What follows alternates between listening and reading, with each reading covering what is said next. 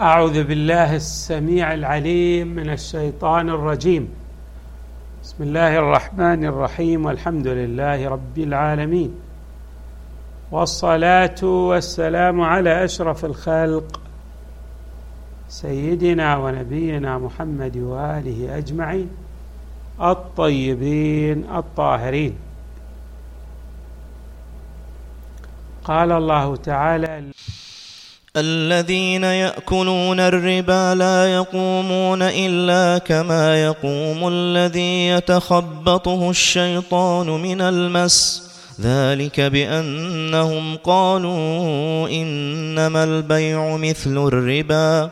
وأحل الله البيع وحرم الربا فمن جاءه موعظة من ربه فانتهى فله ما سلف وأمره إلى الله ومن عاد فأولئك أصحاب النار هم فيها خالدون بينا أن القرآن الكريم يحرم الربا وهو أخذ الزيادة على القرض أو بعض أنواع من البيع بالمفاضلة. فهناك ربا في البيع من خلال أخذ الزيادة في أمور محددة ومعينة يعني ليس في كل شيء في أمور محدودة. وهناك ربا نسميه ربا القرض. يعني تقترض المال بزيادة. ربا القرض أكثر تداولا. وأكثر شيوعا من ربا من الربا في البيوع. باعتبار أن الإنسان بطبيعته يريد أن يحول المال إلى طاقة مستقلة يعني دون أن يربط المال مع عمل الإنسان وفكر الإنسان. والإسلام يريد. طبعا عندما نقول المال نريد به هنا السيولة النقدية. والإسلام يريد السيوله النقديه لتشمل حتى لو كانت هذه السيولة من النقدين الذهب والفضة أو أيضا من الأوراق المتداولة التي نطلق عليها العملات هذه. ربا القارض باعتبار أن الكثير من الناس بحاجة إلى هذه السيولة بحاجة إلى المال يضطر ولو من الناح من ناحية الاضطرار العرفي أن يقترض مالا بزيادة. هذا نسميه قرض ربوي. يعني القرض مع الزيادة والله تبارك وتعالى يشبه آكل الربا ب يعني الآخذ للزيادة وإن كان الحرمة للمقرض والمقترض. ولكن هذا التشبيه خاص بالمقرض. كما يظهر أنه يتحمل المزيد من الإثم فهو يشبه الإنسان الذي أصابه المس يعني أصابه الجنون فاختل توازنه. هناك مبررات متعددة لتحليل الربا. من جملة المبررات أن هذه العملات الأوراق النقدية هذه أشبه بغيرها من الأموال. فإذا كان الإنسان لديه عمارة أو بيت كيف يجوز له أن يؤجره؟ والبيت محفوظ. وهو يأخذ الزيادة. فلماذا لا يكون الربا بمثابة يعني رأس المال الربوي بمثابة المنزل بمثابة العمارة التي يؤجرها الإنسان ويأخذ الأموال إجرى لذلك المنزل أو لتلك العمارة؟ مع بقاء العمارة على حالها فبالتالي هناك ربح وهناك زيادة. ما هو الفارق؟ في الحقيقة رأس المال لا يتعرض. في الأعم الأغلب لا يتعرض إلى الخسران. يعني رأس المال باق ويرجع إلى من قدم هذا القرض. بخلاف هذا المنزل الذي يؤجره الإنسان أو العمارة. هذه قد تتعرض للتلف. إن قلت أيضا إن هذا النقد تنخفض قيمته المالية. كانخفاض أسعار العقار. وبالتالي هذا نوع من التلف. فالجواب على ذلك صحيح أن النقد تنخفض قيمته المالية والشرائية وهو ما نطلق عليه بالتضخم في العرف الاقتصادي. لكن هذا الانخفاض يختلف في جوهره عن التعرض للتلف في رأس المال. بمعنى أن رأس المال العمارة هذه قد تتعرض إلى أنماط متعددة وأنواع متعددة من التلف ليس فقط في الانخفاض المالي. قد تنهدم قد يصيبها قد يصيبها أضرار كثيرة.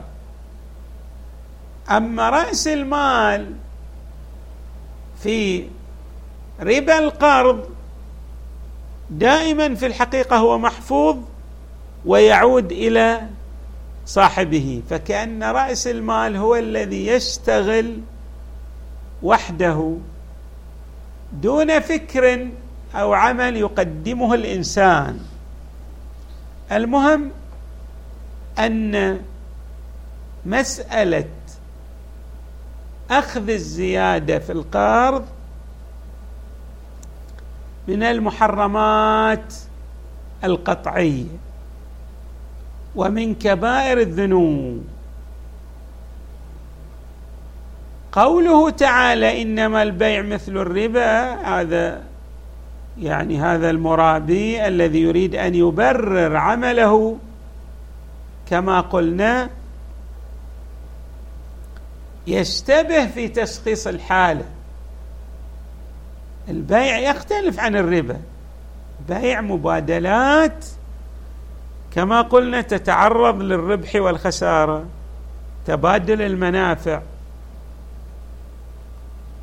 والأمر الآخر أن في تحريك لهذه السيولة النقدية وتبديل لها. هذا التبديل يختلف عن حفظ السيولة وجعل المقترض يكدح لتسديد كدحه للمقرض. اذا عندما يقول المرابي إنما البيع مثل الربا قد يبدو لأول وهلة أنهم المفروض أن يقولوا إنما الربا مثل البيع. ولكن هنا قالوا إنما البيع مثل الربا يعني يريدون ان يريد المرابي أن يفصح أن إذا كانت هذه المعاملة لا تسوق فكيف جاز ما يماثلها ويجاريها؟ وهو البيع. البيع يماثل هذه المعاملة الربوية. الله تبارك وتعالى ما شرح لنا بالتفصيل وإنما أراد أن يربط الناس الذين يؤمنون بشرائعه بالجانب التعبدي. وهذه حيثية جد هامة. الله ماذا قال؟ قال وأحل الله البيع. يعني ما بين الحق تبارك وتعالى الفوائد الاقتصادية المترتبة على حرمة الربا ابدا وإنما ربط الحلية والحرمة بجانب يتعلق بإسلام المسلم وإيمان المؤمن. أن لهذا الإيمان شرائط وتترتب عليه ماذا؟ أمور. ولا بد أن يلتفت هذا المسلم وذلك المؤمن إلى هذه الأمور والشرائط.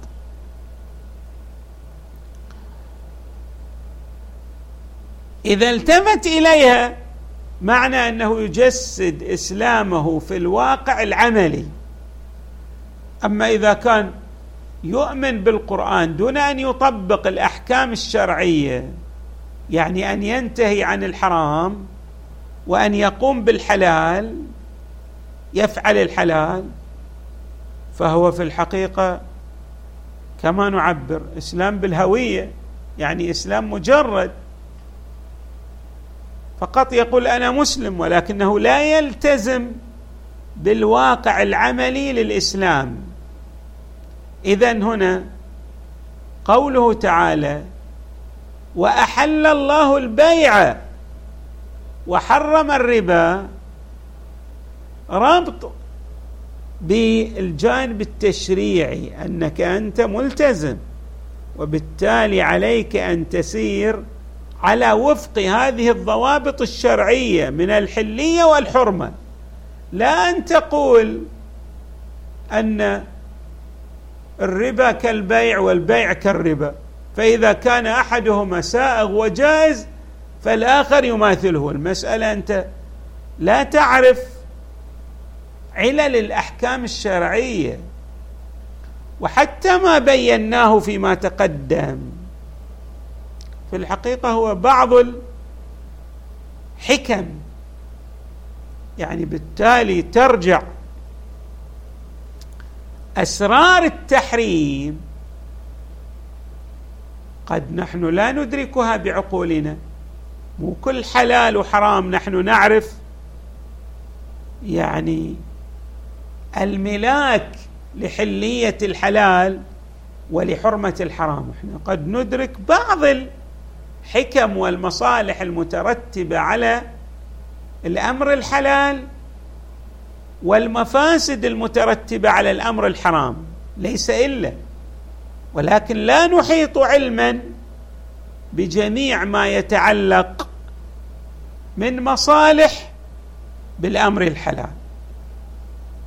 اذا هنا قوله تعالى وأحل الله البيع وحرم الربا. تبيان يعني مو تفصيل إجمال ولكنه يغني عن التفصيل. لكون المسلم قد التزم بأحكام دينه فعليه أن يطبق هذه الأحكام من الناحية العملية. أي يسير على وفق الضوابط الشرعيه من الحلية والحرمة. طيب يسير تعبدا؟ نعم في مسألة تعبدية من ناحية بس هي تستند إلى العقل من ناحية أخرى. العاقل الذي دعاه أن يؤمن بإله أوجد هذا الكون وأرسل رسلا وبعث انبياء ليأخذوا بأيدي الناس إلى سعادتهم إلى ما فيه الخير لهم إلى ما يوصلهم إلى رضا الله في عالم الآخرة. فإيمان المؤمن كركيزة أولى يترتب عليه يترتب على هذا الإيمان. الكثير الكثير. من؟ لأن هذا الإيمان قائم على أسس عقلية. فبالتالي سوف يترتب على هذا الإيمان الكثير من الأمور التي هو لا يدرك الحكمة منها أو العلة التي من أجلها شرع ذلك الحكم. هنا أيضا قوله تعالى فمن جاءه موعظة من ربه فانتهى.